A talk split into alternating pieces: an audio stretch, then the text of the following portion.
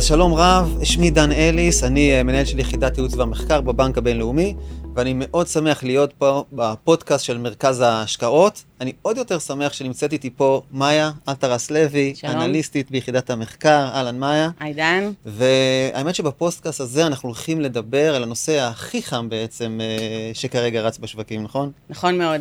אנחנו הולכים לדבר על המגמות בשוק המטח, ואיך משקיעים יכולים לפעול במציאות הנוכחית. אה, אבל לפני שנתחיל לדבר על זה, דן, בוא תספר לנו מה קרה בארצות הברית. בשמחה. אז באמת בארצות הברית מה שאנחנו רואים זה איזושהי עצירה מבחינת הראלי המניעתי באמת שראינו מתחילת השנה. אני חושב שהרקע לעצירה הזאת זה קצת חשש מזה שהאינפלציה קצת יותר עקשנית, קצת יותר דביקה, שאנחנו לא מהר מאוד נגיע ליעד של הפד שהוא 2%, אה, והדבר הזה משפיע על הציפיות של הריבית ועל הציפיות של אה, התשואות. אני חושב שבמעט קצת יותר קדימה אנחנו כן הולכים להתמתנות נוספת באינפלציה ולירידה ברמות הריבית, ובסך הכל אם אני אורז את הכל, אני חושב שזה חדשות טובות לגבי המשקיעים בשוק האמריקאי. אני בסך הכל אה, בעניין הזה שומר על אופטימיות. אה, מחזיר אותנו חזרה, אה, ככה לנושא המרכזי שלנו באמת, ואנחנו הולכים לדבר על, אה, על מטח ומה שקורה בישראל בעצם. אז מה שאנחנו רואים זה ירידה מאוד חדה של השקל מול המטבעות הזרים. אנחנו רואים פיחות של קרוב ל-9% מתחילת השנה מול הדולר והיורו, כשהסיבה העיקרית לזה זה חוסר הוודאות הפוליטית והמדינית. אנחנו רואים ירידה מאוד חדה בהשקעות בהייטק, אנחנו רואים אה, עלייה חדה בגירעון, אה, שנובעת מגידול בהוצאות אה, של הממשלה וקיטון בהכנסות ממיסים. אנחנו רואים את כל חברות הדירוג אה, שולחות לכאן נציגויות אה, שבאות ובוחנות את הכלכלה שלנו, אה, וקיים חשש להורדת דירוג. דן, איך זה היה נראה בשנים האחרונות? אז זה פשוט היה נראה הפוך. זאת אומרת, אם מתחילת השנה הנוכחית אנחנו רואים אה, פיחות מאוד משמעותי בשקל, אז בשנים האחרונות זה היה הפוך, והשקל התחזק ואפילו נחשב על המטבע הכי חזק בעולם. כלכלת ישראל צמחה כמו שצריך, ההשקעות לה, אה, מאוד משמעותיות נכנסו לתוך ההייטק, אה, עצמאות אנרגטית עם מציאת שדות הגז, והשקל אה, הגיב בהתחזקות אה, אה, מאוד משמעותית. מאיה, אנחנו יודעים שיש איזשהו קשר בין אה, שוק המניות בארצות הברית לבין שער הדולר. שזה משהו מעניין, אולי תוכלי קצת לפרט לנו על הדבר הזה. נכון, אז בשנים האחרונות ראינו קשר הדוק בין העלייה של הדולר לעלייה בש... לירידה בשווקים ולהפך. כלומר, כשהשווקים, שוקי המניות בחו"ל עולים, הדולר בארץ היה יורד, אה, וכשהשווקים היו אה, יורדים, הדולר היה עולה. למה זה קרה? אה, בגלל שהמוסדיים היו צריכים בעצם לאזן את החשבונות שלהם. הם היו צריכים שהחלק המטחי בתיק יהיה פחות או יותר לפי ההגדרות שלהם. דן, בוא נדבר תכלס, מה, מה צריך לעשות?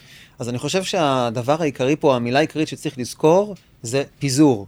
כמו שאנחנו לא מחזיקים בתיק המניות שלנו מניה אחת, אלא דואגים שהתיק הזה יהיה מפוזר על פני הרבה מאוד מניות, אותה גישה צריך לעשות גם מבחינת החשיפה המטחית. זאת אומרת, לא תיק שכולו חשוף לשקל, לדאוג לפיזור מטבעי, חשיפה לדולר, ליורו, למטבעות אחרות של, אה, של כלכלות חזקות, ככה צריך אה, לנהוג. אני חושב שאם מסתכלים על תיק אה, ניירות ערך של משקיע סביר, אני חושב שחשיפה שבין 15 ל-30 אחוז למטח, זה נראה לי בהחלט במקום, ושוב, כאמור, הכל בפרופורציות הנכונות ובהתאמה לכל אה, משקיע ומשקיע.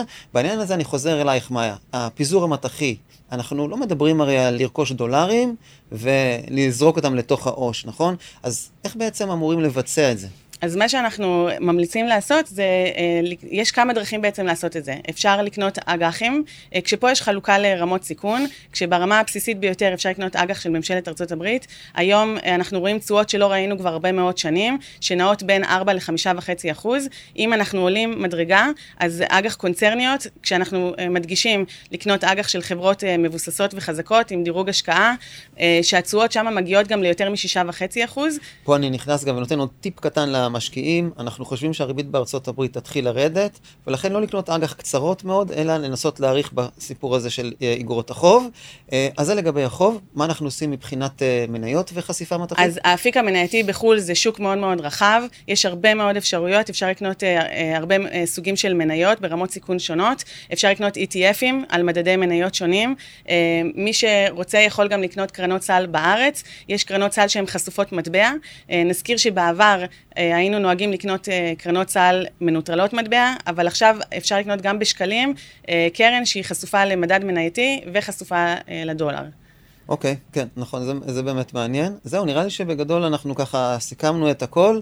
Uh, הדברים החשובים, uh, כמובן uh, פיזור, אה, ופרופורציות נכונות, ובכלל לשמור על איזושהי התנהלות אה, כללית זהירה בעולם שיש בו הרבה מאוד אה, אי ודאות, כי המגמות, כמו שאנחנו יודעים, הן הפכפכות, והדברים יכולים פתאום לשנות כיוון. בדיוק. אז תודה רבה, מאיה, על הדברים האלה. תודה רבה.